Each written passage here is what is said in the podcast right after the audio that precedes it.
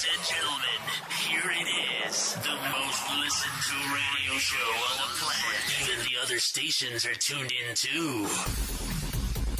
Wiba Podcast Wiba, waktu Indonesia bagian asuransi.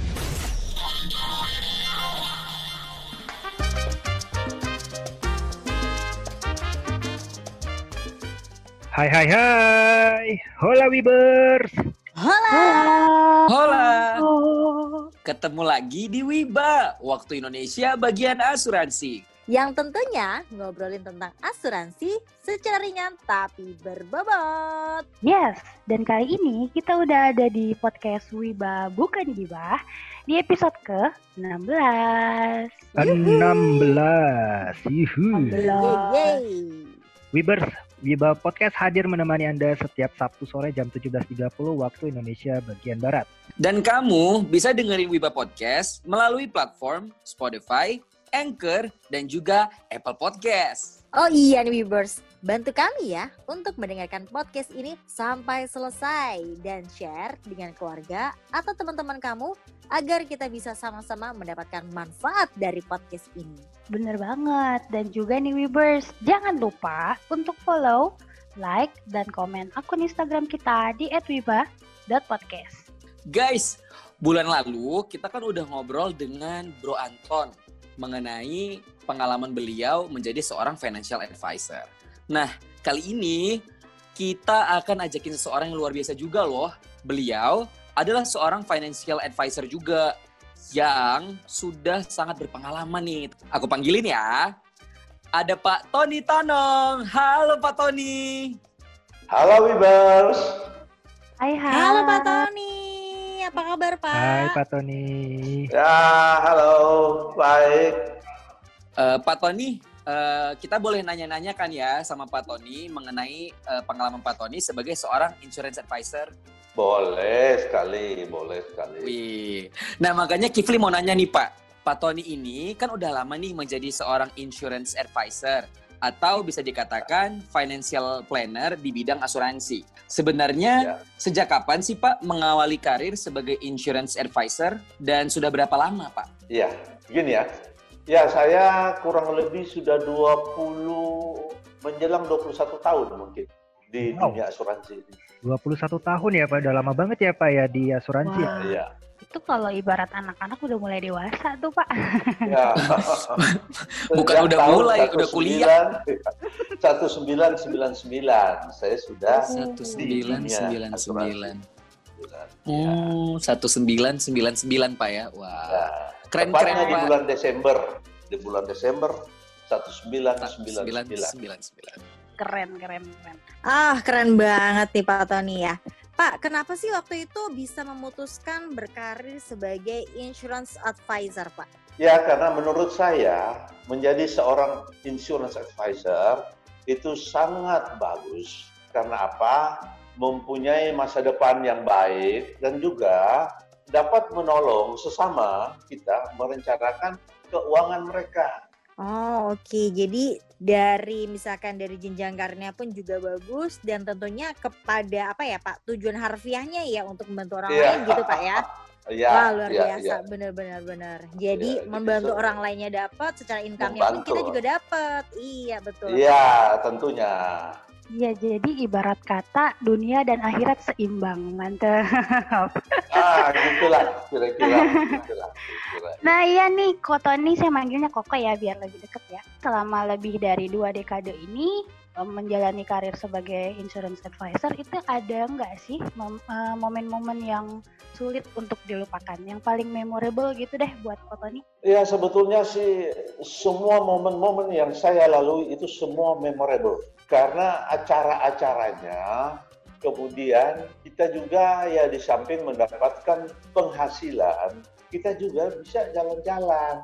Dan semua itu fasilitas sudah disediakan oleh perusahaan asuransi. Oh, jadi lebih ke pengalamannya nih berarti ya, pengalamannya eh, selama gabung di perusahaan itu, pengalaman sama teman-temannya bareng, dan juga pengalaman jalan-jalannya ya Koko ya. Ya, saya kan dapat banyak teman di sana sebelumnya belum kenal.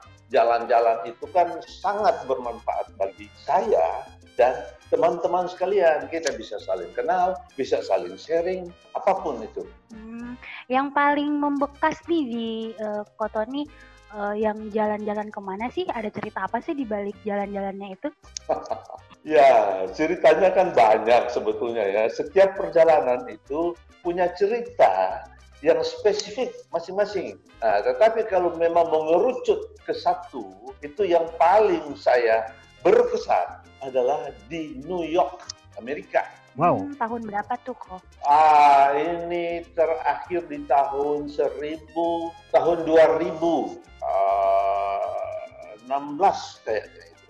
16. Oh, 2016. Ya, 2016. Di ada, New York. Ada cerita apa? Ada cerita apa sih di New York itu kok? Aduh, keren deh.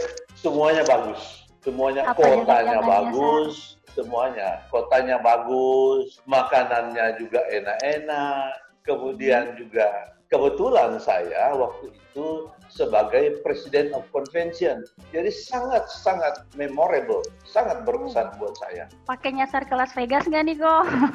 ada, pasti ada dong. Orang ke Amerika itu pasti nyasar, akan nyasar ke sana pasti. keren, Apalagi keren, saya kan agak hobi juga itu. Agak hobi juga ya kok ya. ya, ada hobi. Kalian menyalurkan hobi ya jalan-jalannya. ya. Terus kalau kalau tadi kan ngomongin jalan-jalan ya memorable-nya uh, yang paling berkesan tuh di jalan-jalan. Masih ingat gak sih Pak kalau closingan case yang pertama kali, terus nasabah yang unik itu ada nggak pernah dapetin nasabah yang unik close closing case pertama kalinya masih ingat ya kira-kira Pak? Saya masih ingat. Waktu itu saya memulai oh. career hmm. ini di bulan Desember yang saya sebutkan tadi, yaitu di Desember 1999, itu closing pertamanya, itu langsung saya sukses di situ. Langsung sukses di sana Dan ya, ya? seterusnya, Pak? langsung sukses. Wow. Nah, begitu. Jadi waktu itu kan kita jualan belum ada produk-produk investasi seperti sekarang. Itu dulu cuma produk-produk yang tradisional. Iya, iya.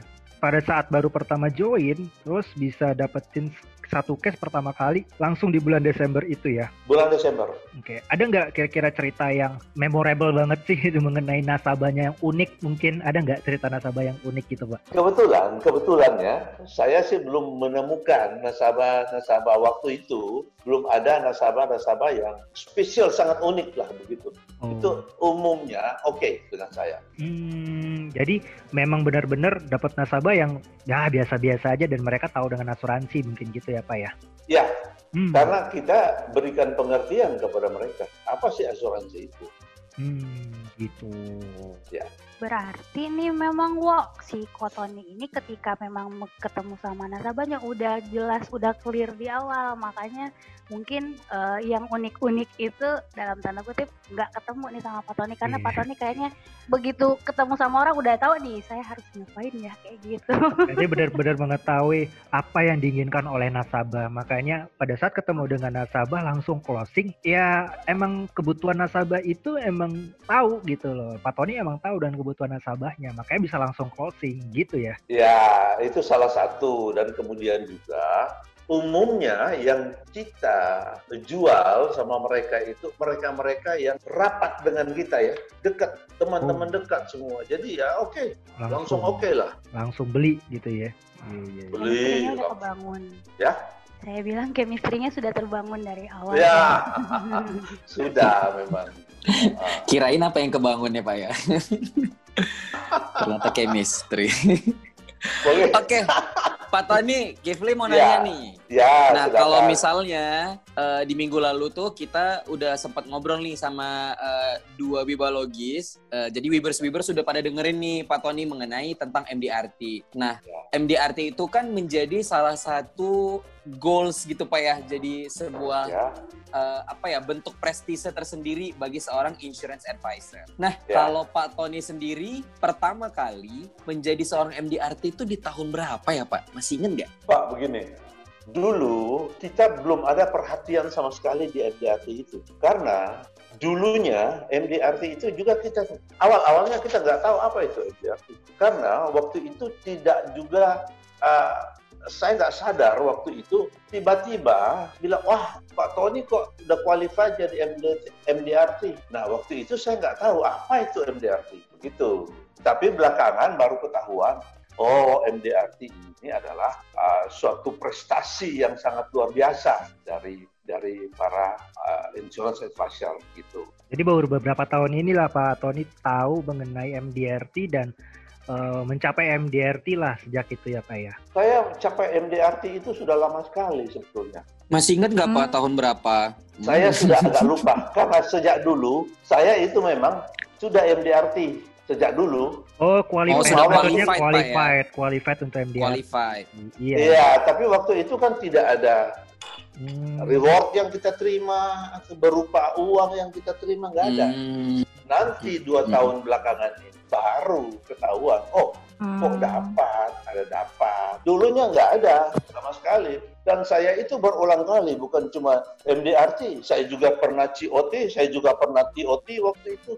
Qualified-nya, iya, iya, iya. Ya. Wah, luar biasa ya qualifier cuma memang belum didaftarin gitu Pak ya Benar. ya istilahnya ya. Belum iya. terregister gitu. Belum kalau saya nggak tahu ya terregister itu sejak dua tahun lalu juga seingat saya itu langsung terregister. Berarti sebelum-sebelumnya juga sudah terregister. Tapi apa yang kita dapatkan dari MDRT itu tidak ada. Oke oke luar biasa loh Pak. Jadi memang sebelum-sebelumnya sudah pernah mencapai MDRT ya, qualifier COT bahkan sampai TOT loh ya. Wow, debak, debak, debak. debak. Pak, kalau bahasa bahasa zaman zaman kan debak gitu kan luar biasa. Nah, debak. Bener, Pak Tony. Saya mau nanya nih Pak, penghargaan apa aja sih yang sudah didapatkan sama Pak Tony selama berkecimpung di dunia asuransi ini, Pak? Maksudnya penghargaan ini berupa benda, uang atau apa?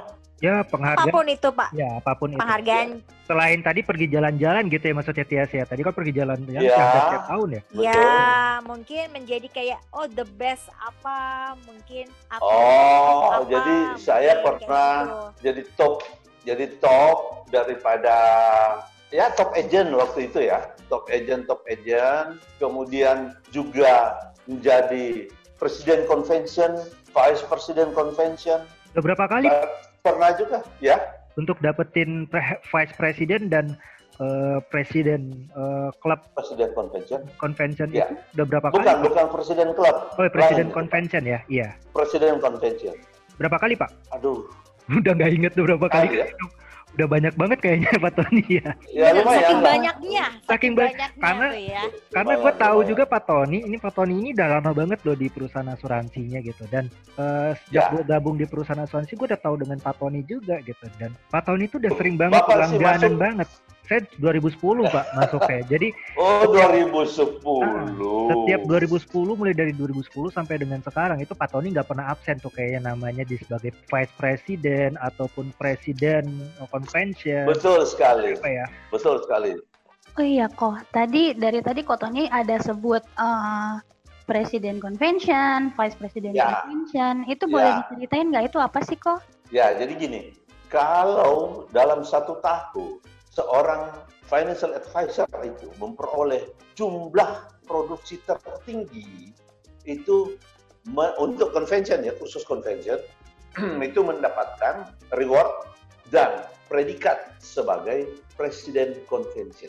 Oh. Yang secondnya ya, yang keduanya itu mungkin uh, beda sedikit itu vice president namanya, vice president convention. Dan itu setiap tahun akan diadakan di gala dinner di satu negara tertentu yang negara tujuan di sana ada gala dinnernya yang wow sekali ya acaranya wow sekali.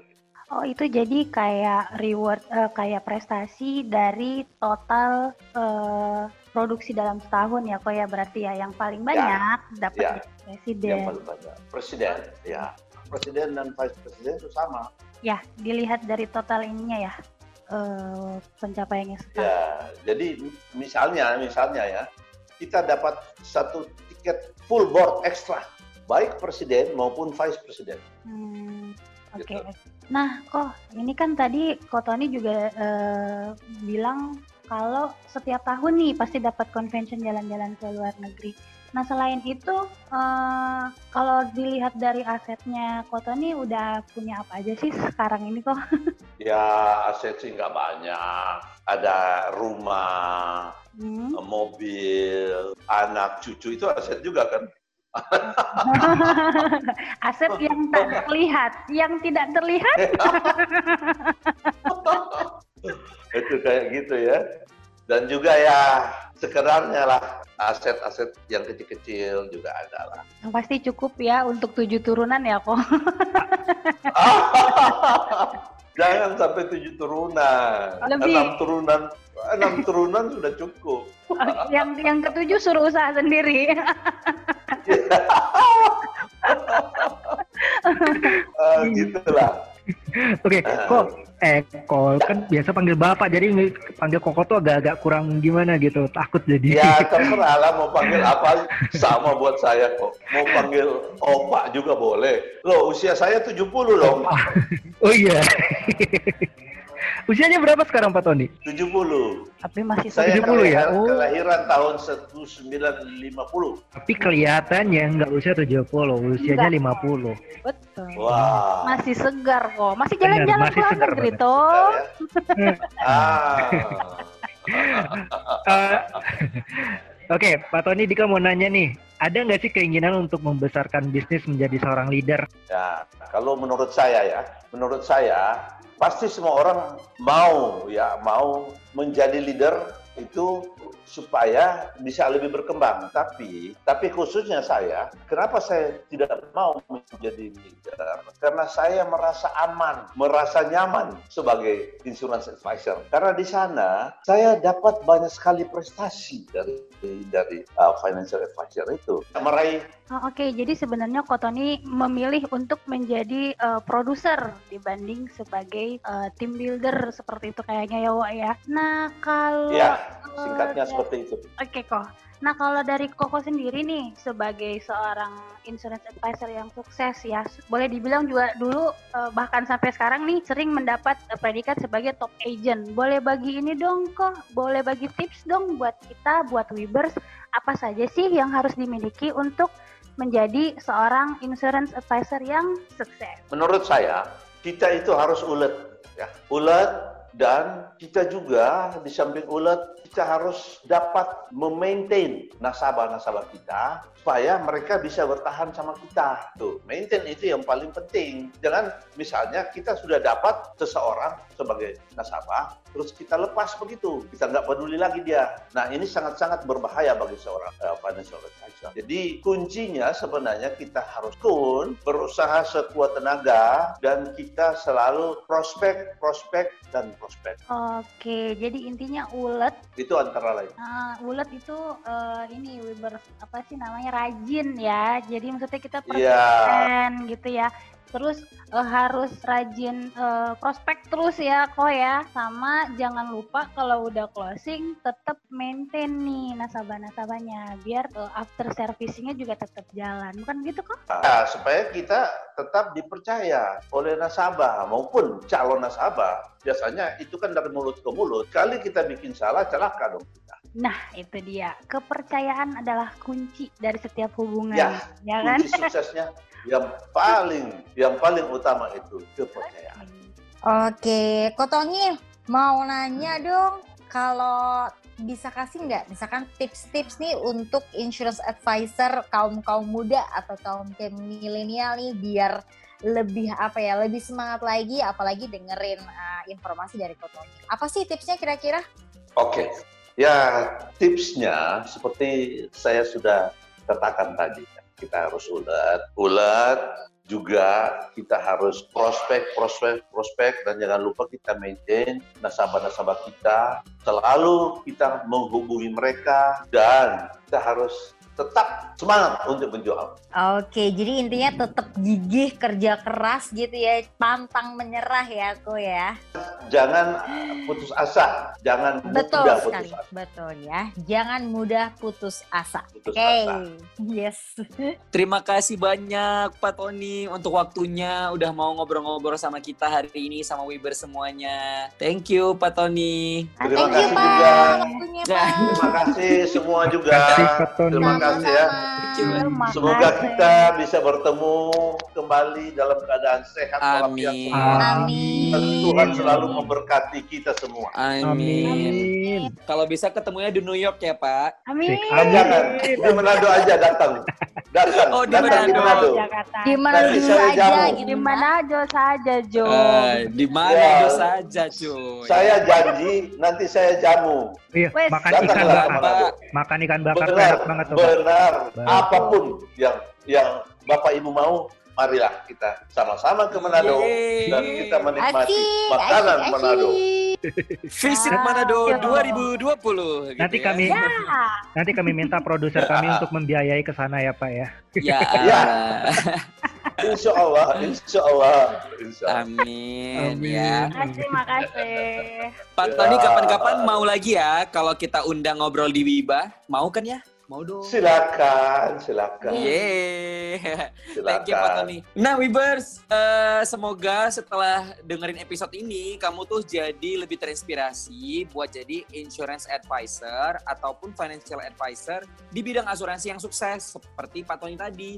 Dan kalau bisa bisa jadi MDRT, COT atau TOT. Amin. Nah untuk selanjutnya siapa lagi nih kira-kira Wiba Logis yang akan kita hadirkan untuk Wiba episode minggu depan? Dan topik apa lagi nih yang akan kita bahas? Makanya selalu dengerin Wiba Podcast setiap hari Sabtu jam 17.30 di waktu Indonesia Barat di platform Spotify, Anchor, ataupun di Apple Podcast. Betul banget, Wo. Dan jika menurut kamu podcast ini bermanfaat, Bers, bantu kami ya untuk mendengarkan podcast ini sampai selesai. Dan juga jangan lupa untuk share dengan keluarga atau teman-teman kamu nih, Bers. Terakhir ya, Webers, jangan lupa nih untuk selalu follow, like, dan share Instagram kita di @wiba.podcast. Oke, Giska send out. Dia sign out. Kifli sign out. Dan Andika Tovano sign out and you. Ciao. Ciao. Ciao. Ciao, ciao, ciao, ciao. Ciao, ciao. Hatiku sangat Kalau- ciao. Kacau. Itu kacau.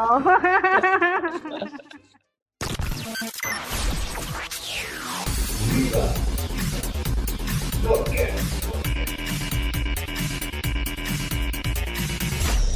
you for listening to our podcast.